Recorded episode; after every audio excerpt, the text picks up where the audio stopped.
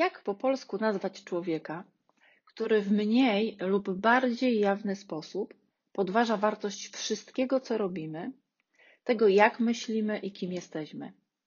Jak nazwać takiego człowieka, który w obecności innych lub także bez świadków, z dobrotliwym uśmiechem, poklepując nas po ramieniu, a może surowo napominając, daje do zrozumienia, że po prostu nie nadajemy się, nigdy nie mamy racji i nigdy nie będziemy się do niczego nadawali i nigdy nie będziemy mieli racji w niczym. I że gdyby nie on, to.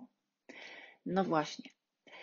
To jest bardzo ważne zagadnienie, które porusza w swojej książce Jay Carter Wredni ludzie, czyli temat umniejszania czy unieważniania inwalidacji, bo autorka tłumaczenia tej książki, pani Justyna Kotlicka, sama zadaje właśnie takie pytanie. Czy określeniem takiego osobnika to będzie dobre słowo inwalidator? W języku angielskim znaczy on nieważny. Inwalidator byłby zatem człowiekiem, który pozbawia ważności nas, nasze poczynania, nasze poglądy, unieważnia nas i naszą wartość, a przede wszystkim naszą wartość. No i w języku polskim używamy tego określenia umniejsza się częściej niż unieważnia, bo unieważnianie ma taki, mm, powiedzmy, unieważnianie wartości, możemy powiedzieć, że ma taki odcień sargazmu czy gorzkiej kpiny. No i myślę sobie, że chyba lepiej będzie mówić w naszej polskiej wersji językowej umniejszacz, choć y, inwalidator no też w jakiś sposób brzmi, choć może trochę obcojęzycznie. Moi drodzy, w dzisiejszym odcinku będziemy mówić o zjawisku umniejszania, które jest zjawiskiem naprawdę bardzo popularnym. Zatem możemy powiedzieć, że umniejszanie to taki aspekt naszego życia, który nas dotyka mniej lub bardziej, a jeśli jesteśmy świadomi, jeżeli znamy te, te mechanizmy, no to nie będzie pojawiał się w naszej przestrzeni życiowej. Zapraszam Was na kolejny odcinek. Menadżer sercem jest dla Ciebie bo dotyczy emocji, zarówno w biznesie, jak i w życiu. Biznes to ludzie, a ludzie to emocje. Ja nazywam się Tatiana Galińska i w tym programie pomogę Ci stać się mamagerem, czyli wyrozumiałym i życzliwym ekspertem, który jednocześnie nie niańczy innych. Bo każdy z nas jest menadżerem swoich emocji. Zapraszam Cię na kolejny odcinek. Zatem rodzi się bardzo ważne pytanie jak ten umniejszacz działa, jak to rozpoznać. No właśnie to, to co chciałam powiedzieć na początku, to jest hmm, takie trochę może banalne, ale umniejszacza trudno jest rozpoznać, dlatego że osoba, która jest bardzo wprawna w umniejszaniu, często umyka uwadze takiego logicznego umysłu. I mm, po czym my możemy poznać osobę, która umniejsza? Na pewno znacie takie zjawisko i myślę, że na pewno kiedyś nie raz doświadczyliście czegoś takiego, że w kontakcie z pewnymi osobami czujemy się źle. I jakbyśmy mieli powiedzieć o co chodzi i dlaczego, to nie wiemy dlaczego, ale czujemy się źle. Znacie to? Ja to znam. Czym mam większą świadomość, tym więcej takich osób gdzieś zaczęłam na moim horyzoncie widzieć. Już ich nie ma. Działa z ukrycia, umniejszacz, a ta osoba po drugiej stronie, którą świadomie nazywam ofiarą, bardzo często niczego nie podejrzewa, wie tylko jedno, że nie czuje się dobrze. I czasami przy umniejszaczu wchodzimy w takie nasze dziwne zachowania, też na przykład niektórzy ludzie y, czują się zaniepokojeni, niektórzy na przykład nadmiernie zaczynają przeklinać, wzbudza jakieś takie struny w nas, że wchodzimy my w jakieś nasze dziwne mechanizmy. Umniejszacz w rzeczywistości czuje się gorszy, od kogoś innego, więc robi co może, aby ten ktoś poczuł się jeszcze mniejszym. W ten sposób może sprawować kontrolę nad swoją ofiarą. Tutaj to słowo kontrola jest kluczowa. No i zadam pytanie retoryczne. Czy spotkałeś, spotkałaś kogoś takiego? Myślę, że tak. Choć przypuszczalnie znasz jednego lub nawet kilku umniejszaczy, którzy robią to jawnie, ale nigdy nic z tym nie zrobiłaś czy nie zrobiłeś, Wiem, że tak jest, ponieważ ja też tego doświadczyłam. Umniejszacz stosuje bardzo różnorodne strategie, aby uderzyć w naszą samoocenę. Niby to wyraża uznanie dla czegoś, z czego jesteś na przykład, czy jesteś dumna, czy dumny, później jednak robi jakąś taką złośliwą uwagę na ten temat. Wyczuwa to, co ty uważasz za swoje braki i niedociągnięcia i wykorzystuje w bardzo starannie dobranych i przemyślanych momentach, wtedy, kiedy Twoja odporność jest osłabiona. Umniejszacz może ponawiać ataki na Ciebie tak długo, aż w pewnym momencie ulegniesz. On musi podporządkować Cię sobie. Formułuje takie oskarżenia, które zawierają ziarenko prawdy, malutkie, i wali nimi w Ciebie z taką całą wielką szczerością, uwaga w cudzysłów, po prostu dlatego, że przecież jest Twoim przyjacielem i uwaga, przecież tak naprawdę bardzo chce Ci pomóc. I teraz jest bardzo ważne pytanie, które często ludzie sobie zadają. No dobra, Tatiana, ale to gdzie jest różnica pomiędzy przyjacielem, tym, kto naprawdę mi dobrze życzy, a pomiędzy umniejszaczem? No i właśnie, teraz ważny punkt. Różnica między umniejszaczem wartości a prawdziwym przyjacielem polega na tym, że przyjaciel wytknie ci coś, jeżeli już przegniemy z czymś, prawda? I na tym poprzestanie, dając ci czas na przemyślenie sprawy, na wyciągnięcie wniosków, na podjęcie własnej decyzji, może czasem na przeproszenie, czyli da ci czas na refleksję. A umniejszacz podsunie ci większość twoich wad pod sam nos i będzie drążył temat tak długo, aż poczujesz się całkiem malutki, czyli właśnie pozbawiony wartości. Wykaże ci twoje zalety, które ty uważasz za najważniejsze, wysłucha twoich zwierzeń na temat czegoś, czego w sobie nie lubisz, a potem wykorzysta to przeciwko tobie. A wszystko to robi w sposób tak subtelny, że nawet sobie z tego nie zdajesz sprawy. Czasami to są, wiecie, takie na tyle subtelności, że my nawet przebiegając myślami, dopiero po czasie jakby dochodzi do wniosku, że to niby było przyjemne, ale z drugiej strony nie. I na przykład taki przypomniał mi się bardzo prosty i banalny tekst umniejszający, to na przykład ktoś mówi, hmm, wiesz, myślę sobie, że świetnie wyglądasz w, tych, w tej bluzce, takie pionowe paski, bo idealnie zakrywa twoje sadełko. Na przykład, nie? Cudowna sukienka, fantastycznie na tobie leży i bardzo wyszczupla ci twoje biodra na przykład. I to są takie szczypaweczki puszczone, które my gdzieś tam. Oczywiście teraz to były takie banalne, takie plastyczne przykłady dotyczące wyglądu, ale oczywiście one dotyczą naszych zachowań, kompetencji, umiejętności, postaw, wszystkiego. To jest całe spektrum działania.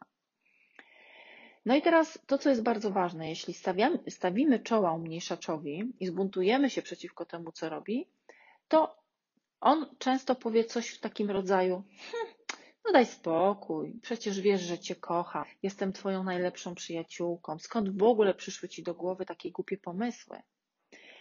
Bo być może nawet ta osoba gdzieś tam głęboko, głęboko, może nawet i ciebie lubi. Może i naprawdę chce twojej przyjaźni, ale to ma być na jej własnych warunkach i tylko wówczas, gdy ma nad tobą pełną kontrolę. I wtedy sprawi, że poczujesz się głupio, bo ośmieliłeś się pomyśleć o niej coś takiego, że ona działa przeciwko tobie. Umniejszacz taki, który powiedzmy nie działa z poziomu przyjaźni, ale no taki powiedzmy sobie, może to być też relacja biznesowa, może obudzić w tobie poczucie winy i sprawić, że sam sobie wydasz się podły i gorszy od innych, gdyż oskarżyłeś właśnie tą osobę o umniejszanie twojej wartości. No po prostu skandal. Twoje oskarżenia mogą ją rozłościć i jeśli będzie mogła umniejszyć Cię jeszcze bardziej, to właśnie zrobi to z pewnością.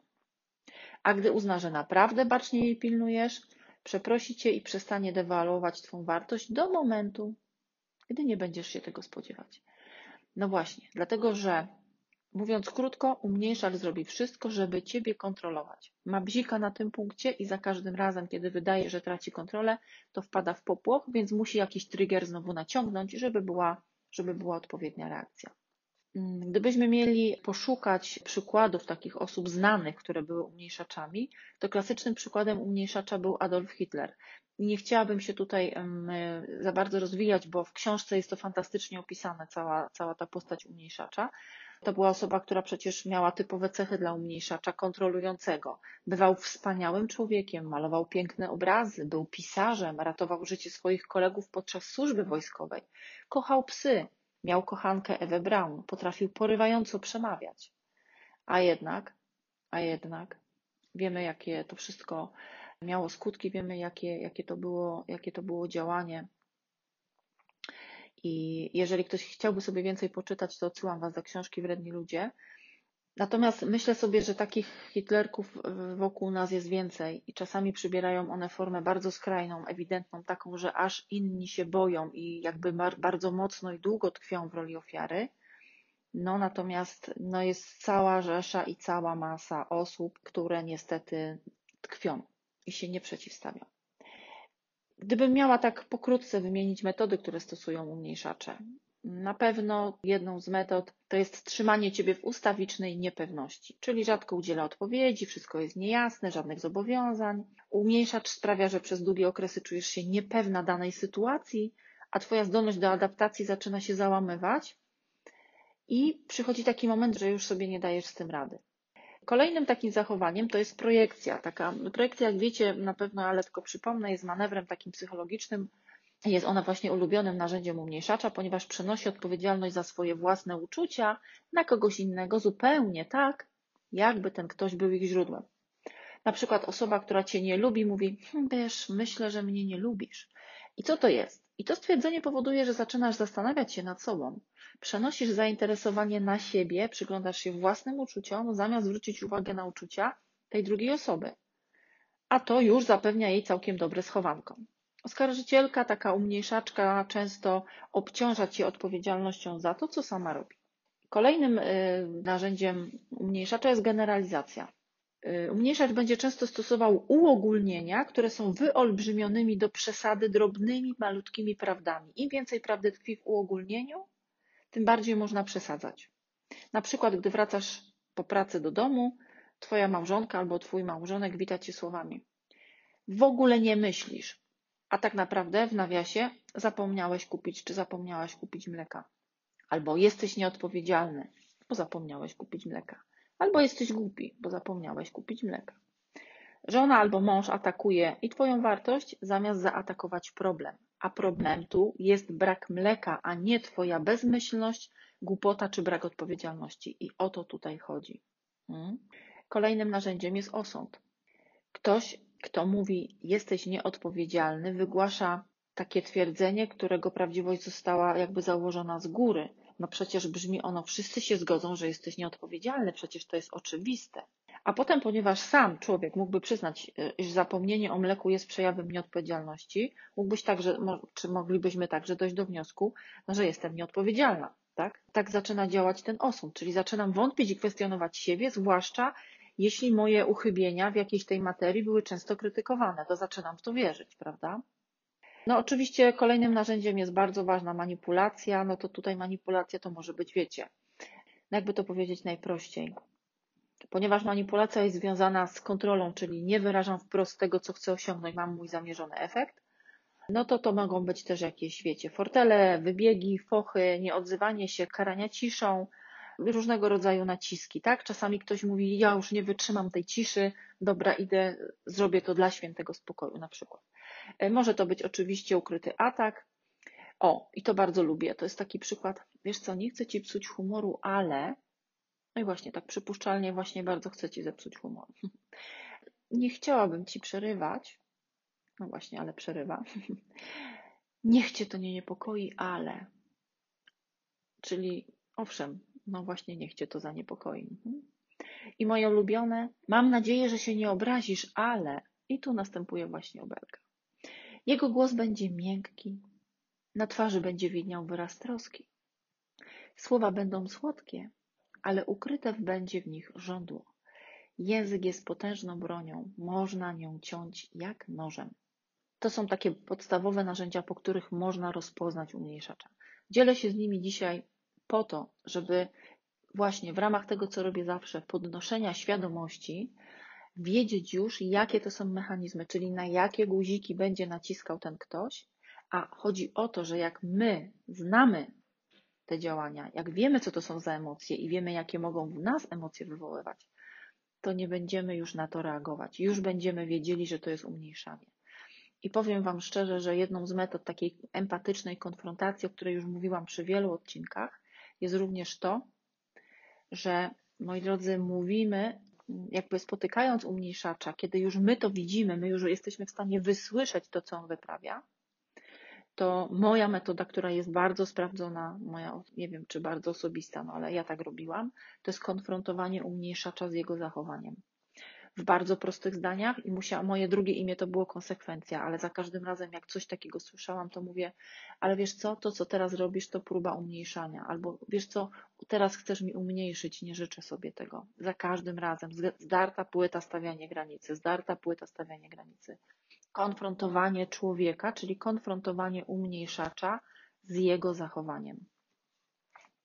W mojej sytuacji przyniosło to pozytywne skutki na takiej zasadzie, że po pierwsze liczba umniejszających uwag została bardzo, ale ja bym powiedziała radykalnie zmniejszona. No dlaczego? No bo na mnie to nie działało. A po drugie, moja reakcja właśnie taka nie defensywna, tylko konkretna powodowała, że y, no jakby gra się nie toczyła, tak? Ja sobie w to nie pozwalałam już zagrać. Także moi drodzy, dla wszystkich osób, które doświadczały albo właśnie doświadczają, bo mm, jak, jak, rozmawiam z moimi klientami, czy na sesjach, czy na szkoleniach, to niektórzy mówią właśnie, no tak, no tak, kiedyś tak miałam, kiedyś tego doświadczałam, albo teraz to już rozumiem, czemu ja w tamtej relacji, czy w tamtej sytuacji, w tamtej firmie tak się źle czułam, czy czułem. No tak, no bo właśnie mieliśmy do czynienia z umniejszaczem, który mógł być bardzo, bardzo subtelny. Zatem, moi drodzy, w ramach podnoszenia świadomości pamiętajcie o tych narzędziach, wiedzcie i pamiętajcie, które to były e, zachowania i odpowiednio reagujcie. I to jest znowu ten moment. Staję, wstaję do tej odwagi, staję do empatycznej konfrontacji, konfrontuję tą osobę z jej zachowaniem. I świadczy to o nas, bo to zawsze nasza odpowiedzialność. No i po, po, drugie, jak wystawiamy swój płotek i swoją granicę, no to już wiemy, że ta osoba nie będzie tego robić albo radykalnie to ograniczy, bo to jest tak podobnie jak z katem. Kat sobie szybko znajdzie nową ofiarę. Także, kochani, dziękuję za dzisiaj. Zapraszam Was do innej przestrzeni. Zapraszam Was do kolejnych odcinków. No i do zobaczenia być może na jakimś szkoleniu. Pozdrawiam Was. Trzymajcie się, Tatiana. To już wszystko na dzisiaj. Dziękuję za Twój czas i uwagę. Możesz spotkać mnie w innych przestrzeniach, jeśli ten temat z Tobą rezonuje. Możesz czytać moje publikacje na LinkedInie z hashtagiem bez kija w tyłku. A także możesz odwiedzić moją stronę tatianagalińska.pl. Znajdziesz tam więcej informacji o warsztatach Menadżer Sercem. Do zobaczenia, Tatiana.